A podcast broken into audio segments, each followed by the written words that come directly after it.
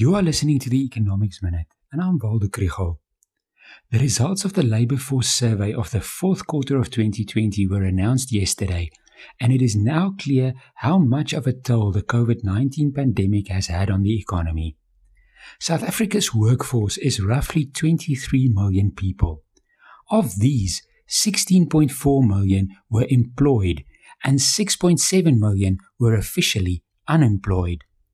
Then there are almost 15.5 million other people of working age who are not economically active.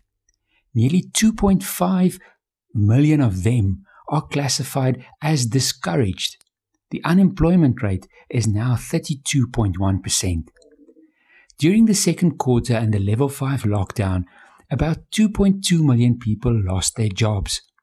After that, employment recovered along with the economy. In the third quarter, 543,000 more people were employed, and in the fourth quarter, 333,000 more.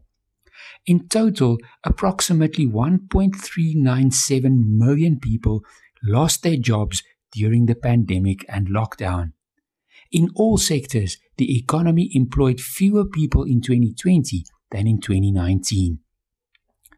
Unfortunately, these figures do not reflect the strong recovery in employment that the NIDS-CRAM study found and speak to the challenges that the Minister of Finance faces this afternoon in the budget speech.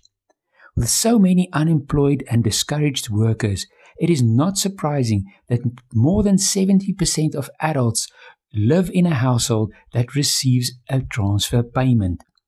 There is significant pressure on government to continue with the allowance for the unemployed who are also not receiving another allowance. But he must be able to spend on infrastructure to promote economic growth. And he must cut spending elsewhere in order to borrow less. An exceptional balancing act is required. If you want to learn more about the economy, follow the Econ 101 page on Facebook.